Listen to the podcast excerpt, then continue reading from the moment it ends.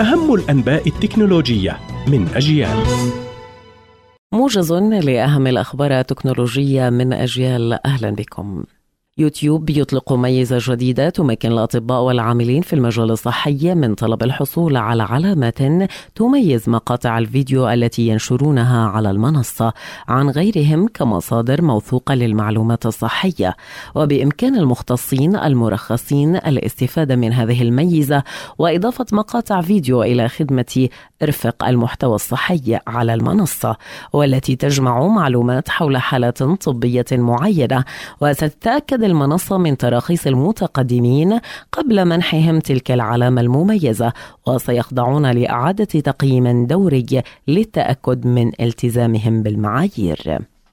الحزب الديمقراطي الأمريكي يستعين بنجوم تطبيق تيك توك الصيني في إطار حملته لانتخابات التجديد النصفي للكونغرس المقرره الشهر المقبل. وعرض الحزب على نجوم بمنصة تيك توك يتابعهم نحو 67 مليون شخص. رحلات مجانية إلى العاصمة واشنطن والدردشة مع الرئيس الأسبق باراك أوباما واللقاء مع الرئيس جو بايدن في المكتب البيضاوي.